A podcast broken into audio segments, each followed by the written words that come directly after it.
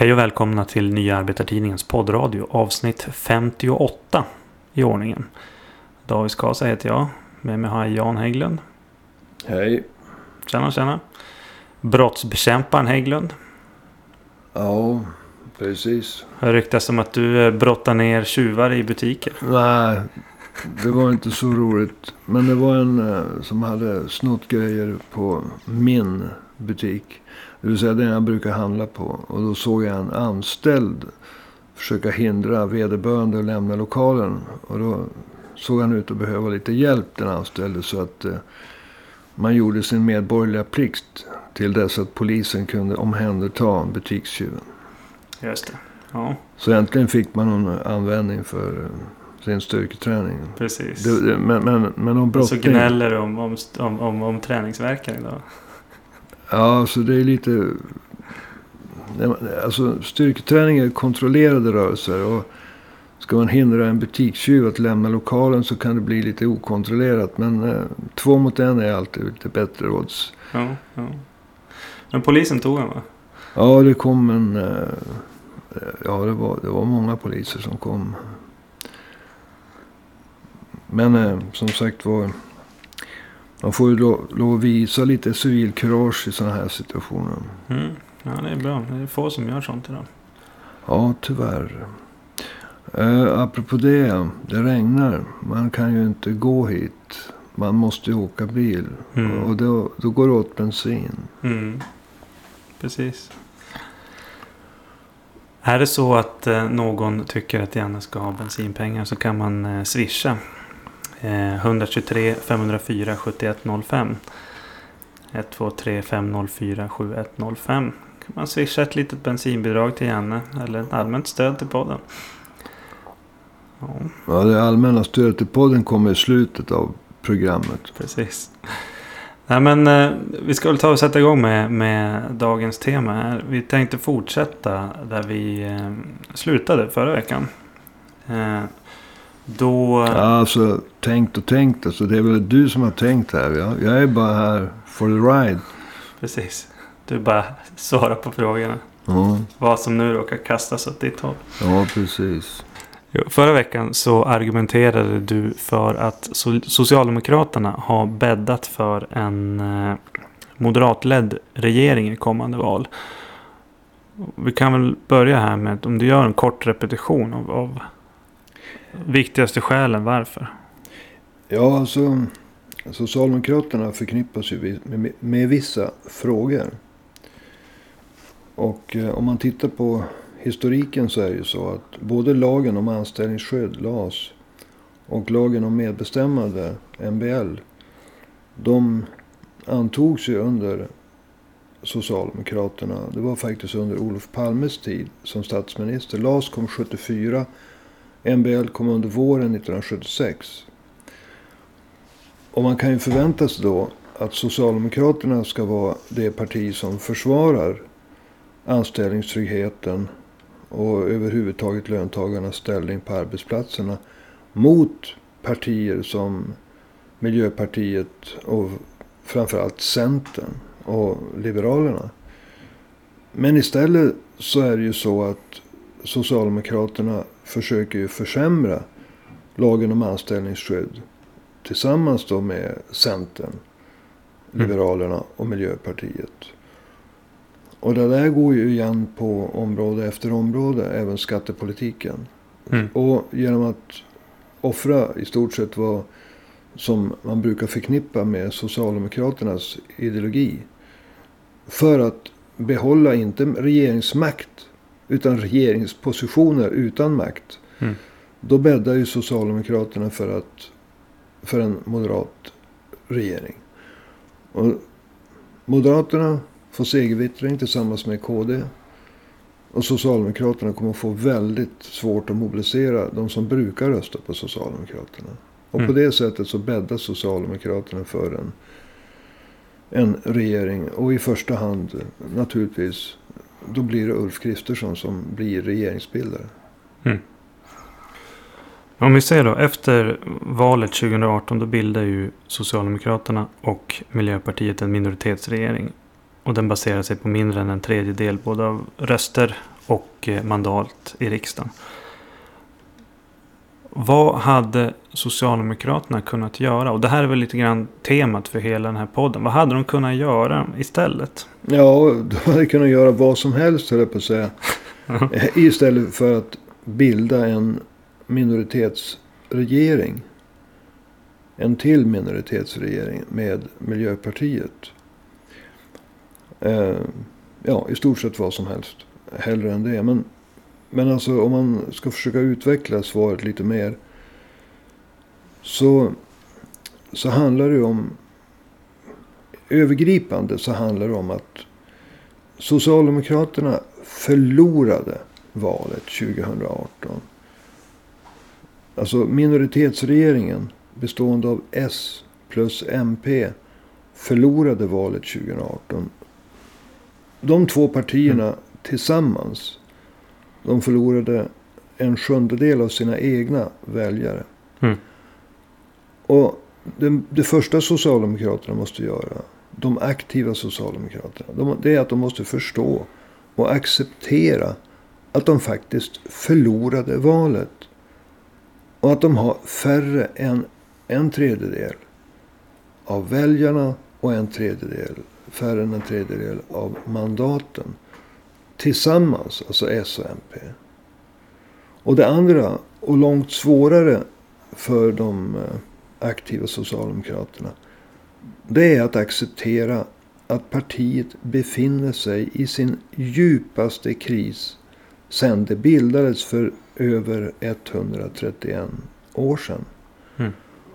Och det innebär att istället för att klamra sig fast vid makten och sälja ut sin ideologi så att man inte har någonting kvar inför valet 2022 så borde man ha tänkt på att göra en politisk comeback 2022. Och det innebär att vräka över de här komplicerade regeringsförhandlingarna till eh, allianspartierna. Alltså Moderaterna, Centern, Liberalerna och KD. Man skulle ha accepterat valförlusten och accepterat att eh, de, de har under en tredjedel av rösterna. De var under en tredjedel av mandaten. Och emot sig hade de då, om man, om man säger ett samlat politiskt borgerligt block. Mm. Som hade, och jag menar, även om... Du räknar in SD då? I... Ja, alltså mm. emot sig. Mm. Även om, vad heter det, de borgerliga gjorde skillnad. Alltså allianspartierna hade ju en väldigt problematiskt förhållande till SD. Så om man ser det utifrån Socialdemokraternas synpunkt. Så hade de ju emot sig. Inte bara allianspartierna, de fyra. Utan även SD.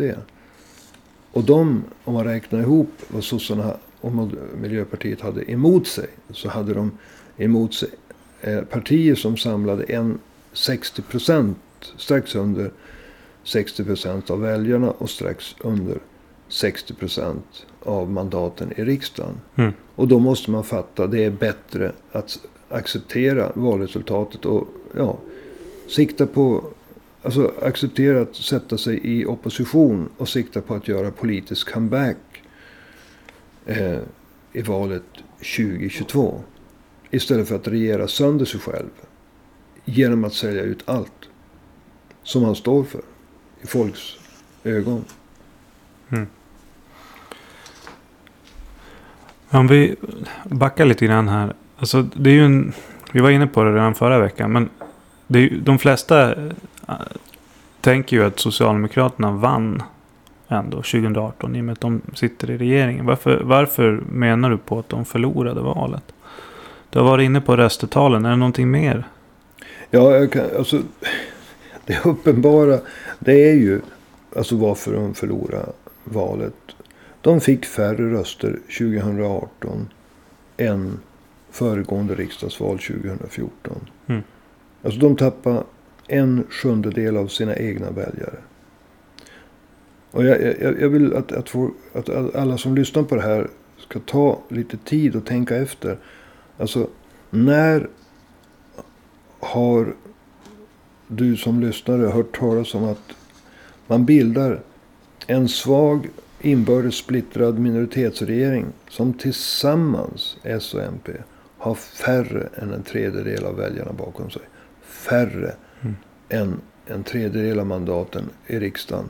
Och emot sig så har man på den ena kanten alltså allianspartierna och SD.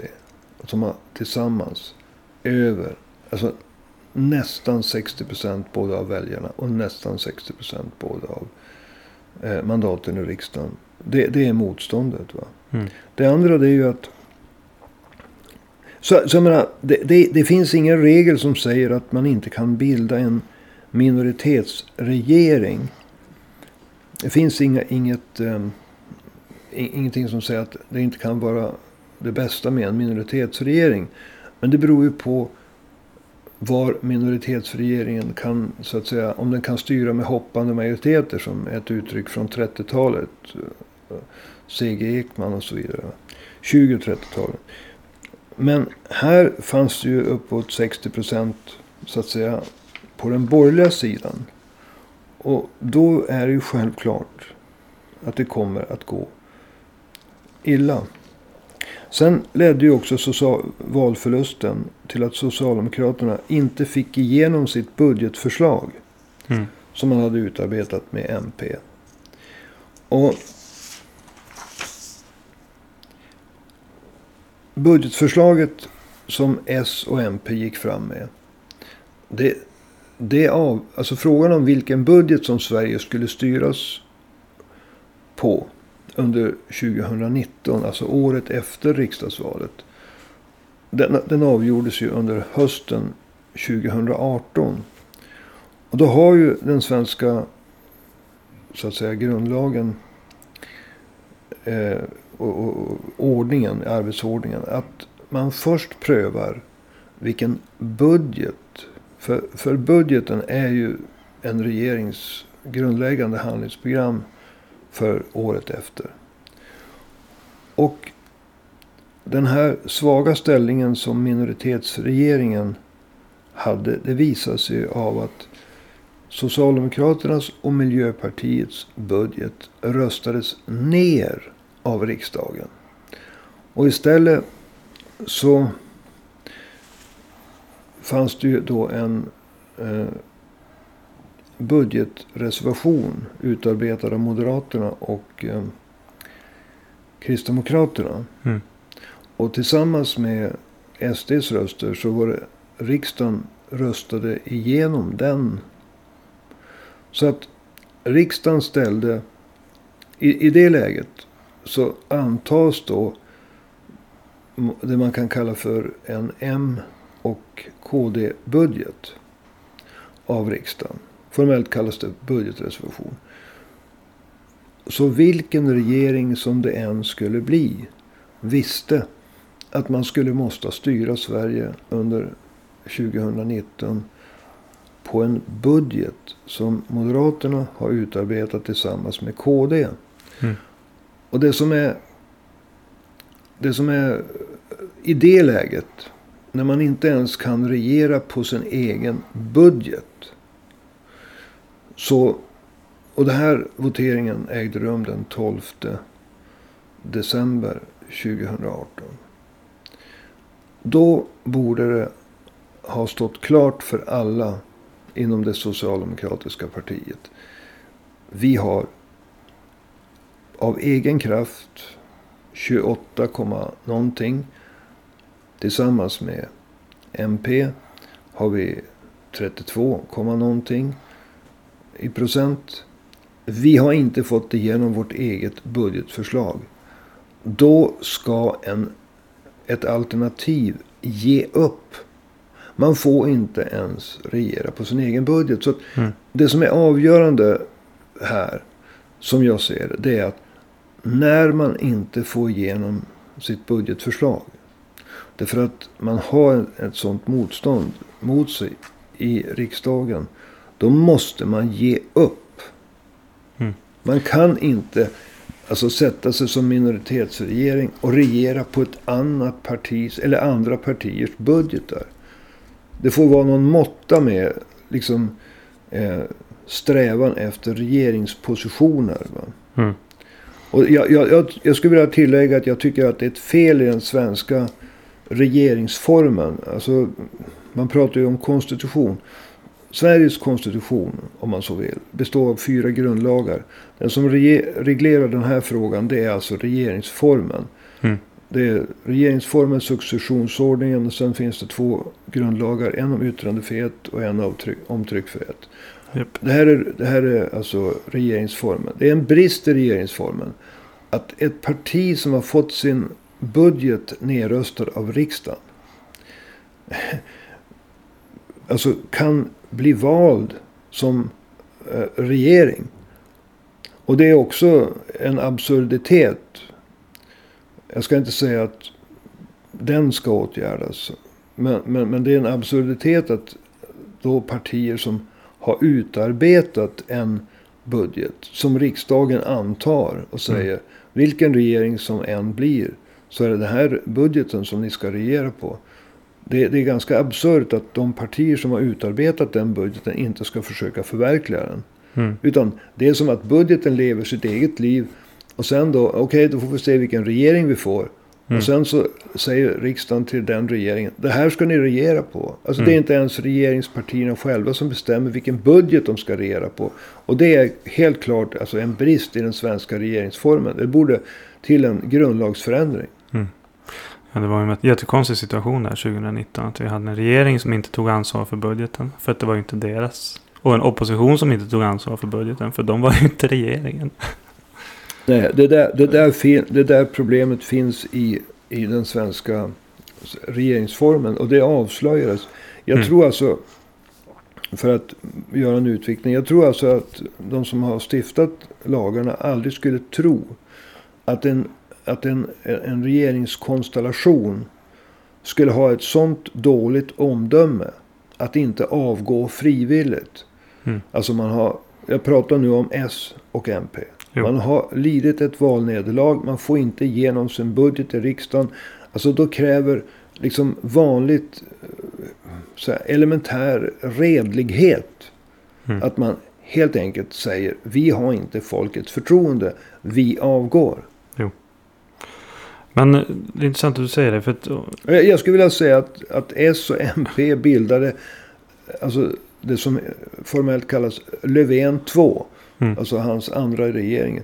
På en, en, en spricka i, i, um, i grundlagen. Jag tror mm. inte regeringsstiftarna, alltså lagstiftarna hade ha tänkt att, att någon skulle agera så här. Jag, och jag tycker också att det, det, var alldeles för lite fokus på den här. Uh, alltså att, att de kunde så att säga med mindre ja. än en tredjedel av rösterna i riksdagen, mandaten i riksdagen bakom sig och inte ens sin egen budget bildar regering. Det är fel. Jo, absolut. Men eh, vi går till, du har varit inne och nosat på det här också. Eh, vad skulle Socialdemokraterna kunna göra? För pratar du med en socialdemokrat då kan de ju ofta säga ja men alltså vad skulle vi ha gjort? Någon var ju tvungen att ta ansvar för landet bla bla bla. bla. Men vad hade de kunnat göra istället för att bilda regering? Ja, I den här hade, absurda situationen. Ja, de hade ju kunnat tänka på sitt eget Eh, partis framtid. Va? Inom affärslivet så pratar man om varumärke. Jag, det bär mig emot att prata om varumärke för personer och för partier. Men en parti, ett parti brukar ha en identitet. Mm. Och Socialdemokraterna, när deras budgetförslag, deras och MPs budgetförslag röstades ner den 12 december 2018. Då var spelet slut om regeringspositionerna. Och då borde de ha tänkt. Vi ska göra comeback 2022.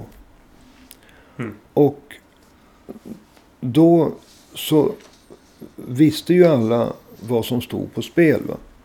Alltså inom exempelvis det mest antifackliga partiet, Centern.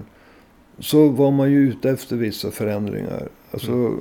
Och även stora delar av tunga röster inom, inom eh, arbetslivet. Eller jag menar, näringslivet. Alltså, man vill riva upp Alltså anställningstryggheten. Mm. Så Socialdemokraterna borde ha samlat, jag menar de delar, man brukar ju prata en gång i tiden om rörelsen. Va?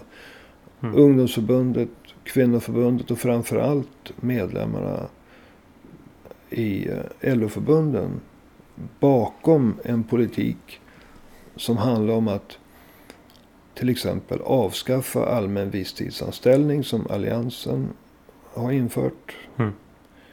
Det är en försämring. Det är en massa... Stora delar av arbetsmarknaden är ju mindre och mindre reglerad. Färre och färre är med i facket. Alltså man skulle kampanja för att få, få med folk i facket. Man skulle stärka kollektivavtalens ställning och arbetstryggheten. va. Alltså Mm. sam, samla partiet, ta sikte på 2022 för att göra en politisk comeback från de historiskt dåliga liksom, valresultaten.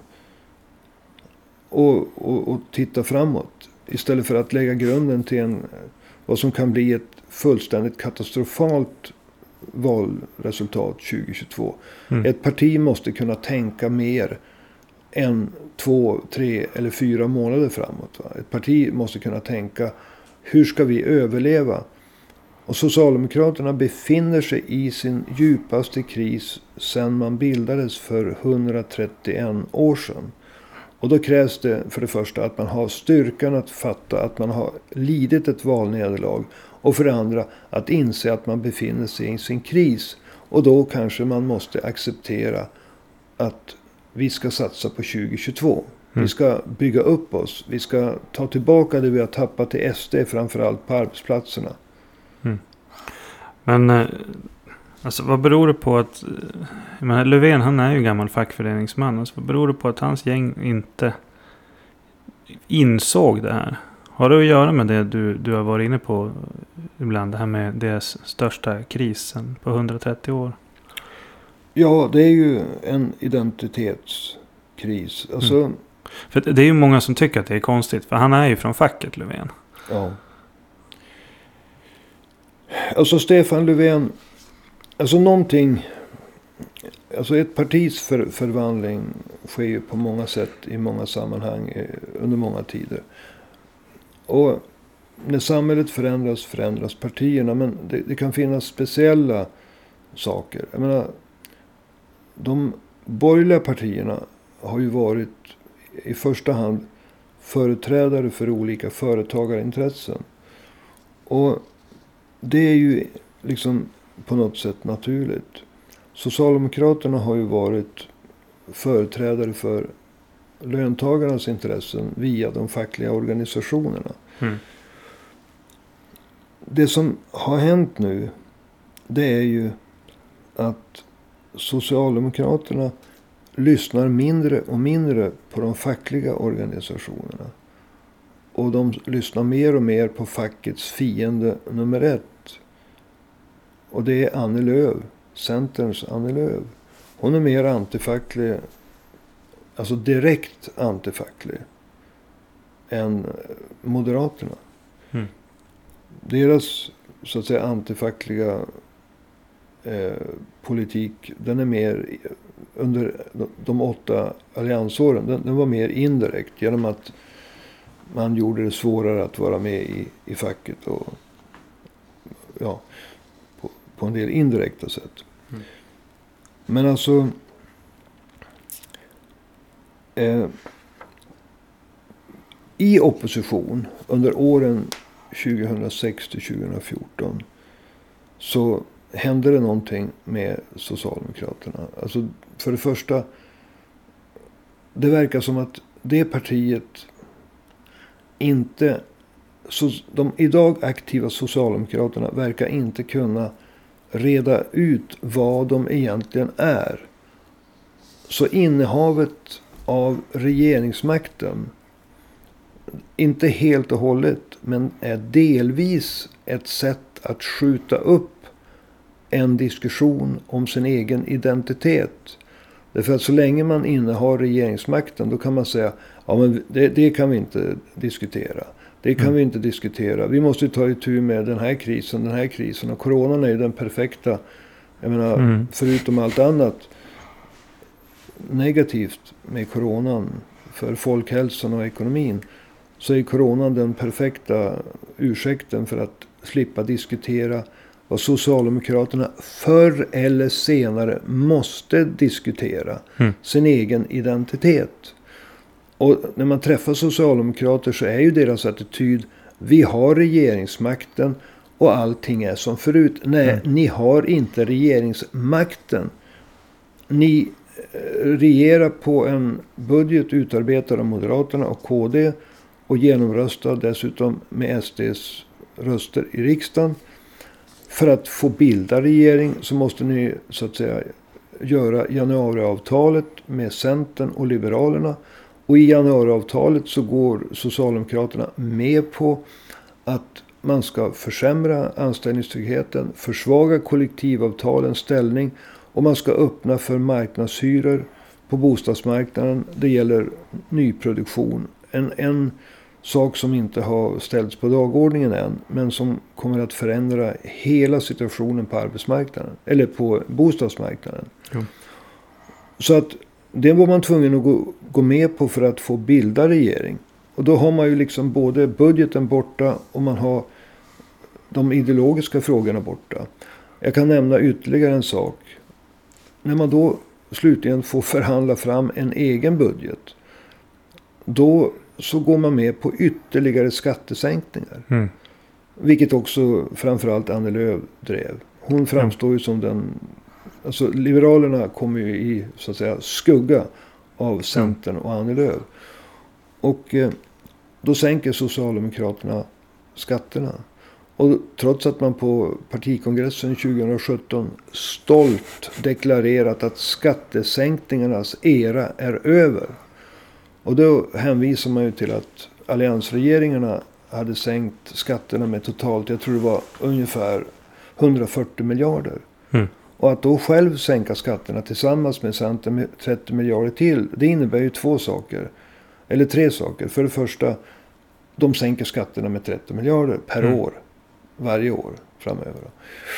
Det, det blir ju också en indirekt godkännande av de tidigare skattesänkningarna. Jo, Och det tredje är ju, det finns ingenting som vi inte kan riva upp. Vi har inga Mm. heliga kor. Vi kan slakta dem allihop. Jo. Eh, Ja, Det var ju en sån viktig paroll för dem Ja. också. Välfärd istället för skattesänkningar. Ja. Har man ju hört varenda sosse säga. Så jag menar, vad, vad, vad ska man gå till val på 2022? Mm. Alltså anställningstryggheten? Knappast. Kollektivavtalens ställning? Knappast. Mm. Eh, att det ska gälla brukvärdesprincipen istället för marknadshyror? Ja, knappast. En vi ska, skattesänkningarnas era är slut? Knappast. Den har börjat igen. Så vad har Socialdemokraterna kvar? Mm. Att mobilisera sina trogna med. Eller hur ska en socialdemokratisk valarbetare känna entusiasm att gå till val på? Centerns politik. Eller ska vi gå till val på Moderaternas politik? Mm. Alltså det är det som en socialdemokratisk valarbetare måste... Vi, vi är stolt över att vi förverkligade Moderaternas och Kristdemokraternas budget under 2009. Jag är stolt över att vi förverkligade Annie Lööfs idéer om anställningsskydd Mm. därefter. Och sen har vi sänkt skatterna. Eh, det... Jag Här, ta en flyer om varför det är bättre med välfärd än skattesänkningar. Vad sa du? Här, ta en flyer om varför det är bättre med välfärd än skattesänkningar. Ja. Säger de sen Ja. för att avsluta samtalet. Nej men alltså det, det, det är så att det är som att Socialdemokraterna, aktiva Socialdemokrater, verkar ha en ofattbar förmåga att förtränga verkligheten. Mm. De har regeringspositionerna. De har inte regeringsmakten. Nej, precis. Du, en sak som jag har sett dig skriva om i bloggar och liknande. Eh, som jag är nyfiken på hur du tror att det spelar in här. Eh, du brukar prata om att Socialdemokraterna har genomgått en partisplittring.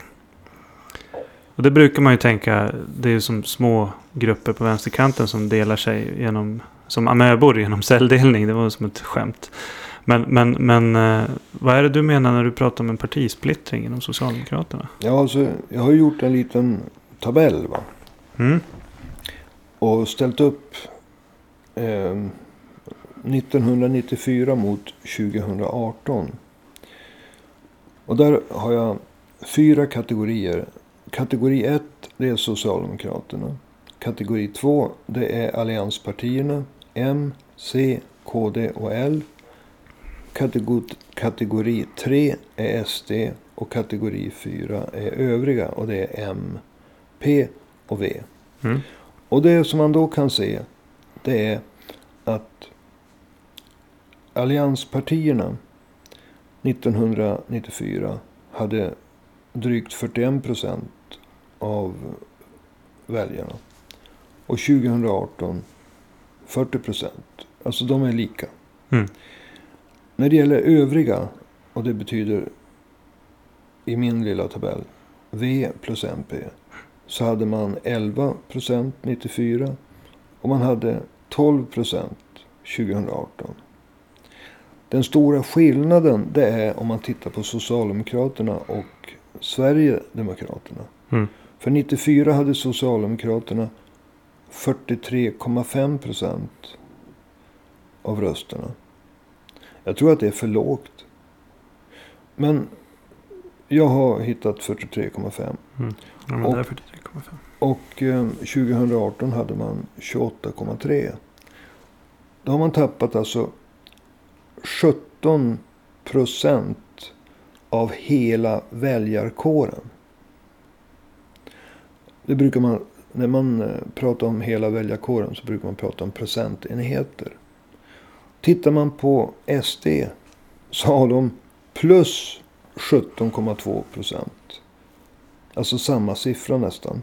Mm. Om man jämför 94 till 2008. Så vad som har hänt under detta kvartssekel. Med det svenska partipol- den svenska partipolitiska kartan. För det är 24 år. Det kan vi säga är ett kvartssekel. Mellan 94 till 2018. Det är att Socialdemokraterna har tappat nästan fyra av tio väljare. Och eh, SD har ökat med lika många väljare. Nu är det inte så enkelt så att alla har gått direkt från Socialdemokraterna till SD. Nej. Även om många har gjort det. Utan det är ju både direkta och indirekta så att säga vägar. Mm. Från- Det är ju många nya väljare på 25 år till Ja. Det är många nya väljare. Men många av dem skulle tidigare ha gått till S och Mm. engagerat sig i facket. Så förändringen är alltså skrämmande tydlig. Jo. Mellan 94 och 2018. Alliansen, står, allianspartierna, de man brukar kalla borgerliga partierna, har samma ställning. V och MP har samma ställning. Och den stora förändringen är att Socialdemokraterna har, har befinner sig i, uppenbarligen, man har tappat nästan fyra av tio väljare. Och de Mm. motsvaras av SDs framgång. Jag såg här, du hade faktiskt rätt. De hade mer 94. Det var två Ja. siffror som hade bytt plats. 45,3 Ja, ska det vara. jag se- ser det att i, i den här versionen, jag har skrivit den här tabellen så många gånger. Att eh, jag, jag svängde på siffrorna. Det är sånt som händer. Eh, vi börjar närma oss att vi behöver runda av det här. Eh, Jag som men- just har kommit upp- upp i varv. Ja, precis. Du brukar säga det. Men eh, har du några sista ord här för att, för att avrunda det hela?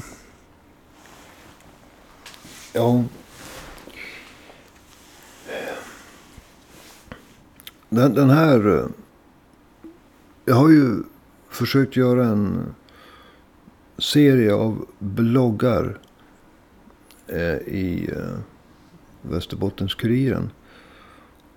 Och eh, den serien är ju inte klar. Så jag befinner mig som mitt i. Men det, det handlar ju om att alltså Socialdemokraterna, det jag vill betona det är att, säg tre saker. Socialdemokraterna gjorde ett, de befinner sig, de förlorade valet. 2018. De skulle inte ha satt sig i regeringsställning tillsammans med Miljöpartiet. Som är ett parti som i migrationsfrågan är extremt. De är för fri invandring. Jo. Och de har 5% av väljarna bakom sig. De fick det ungefär 5% 2018.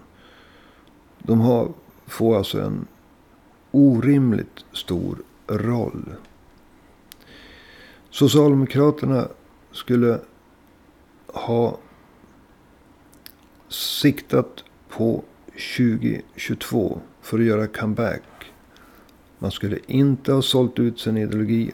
Man har verkligen sålt ut så mycket på så kort tid att det är Mm. nästan osannolikt. Jag anser också att Socialdemokraterna har genomgått en förändring. Och jag vill kalla dem för de nya Socialdemokraterna.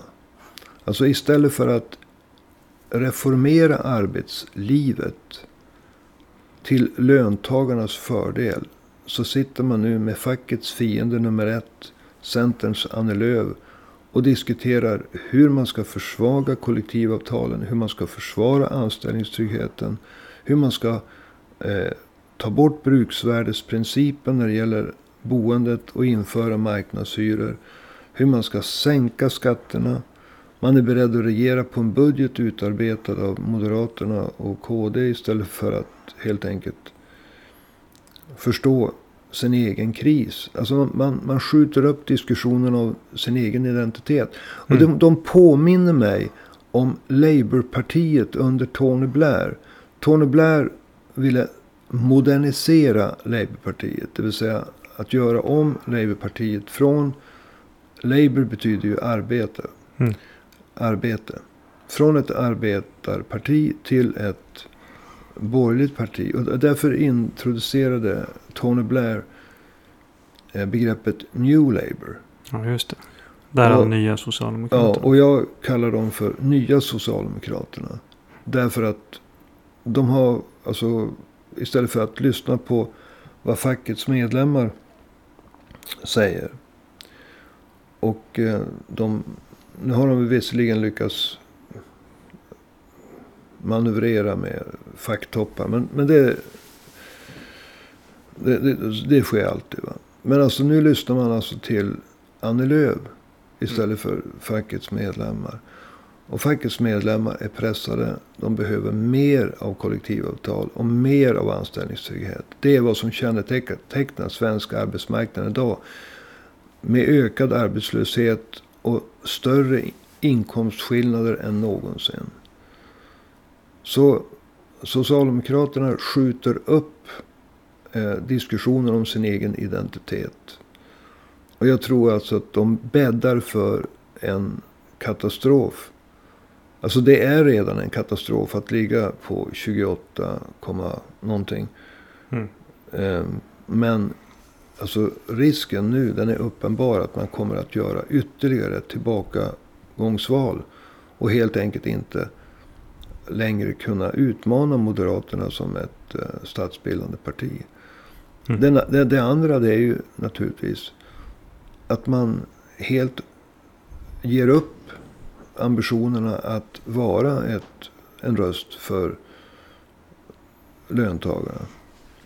Och bilda en regering där Annie Lööf ingår formellt. Alltså, det handlar ju om identiteten. Mm. Socialdemokraterna kan bilda regering om man är beredd att helt, så att säga, byta identitet. Och bli ytterligare ett borgerligt parti. Och det jag skulle vilja säga det är att just nu så pågår det en strid inom Socialdemokraterna. Ska man behålla liksom sin, sin koppling till fackföreningarna och fackföreningarnas medlemmar? Eller ska man bli ytterligare ett, ett borgerligt parti? Alltså kampen är inte avgjord. Men det är definitivt så att Socialdemokraterna rör sig åt fel håll. Och det här vill man inte diskutera, man vill inte ta i, man vill inte erkänna att det är en identitetskris.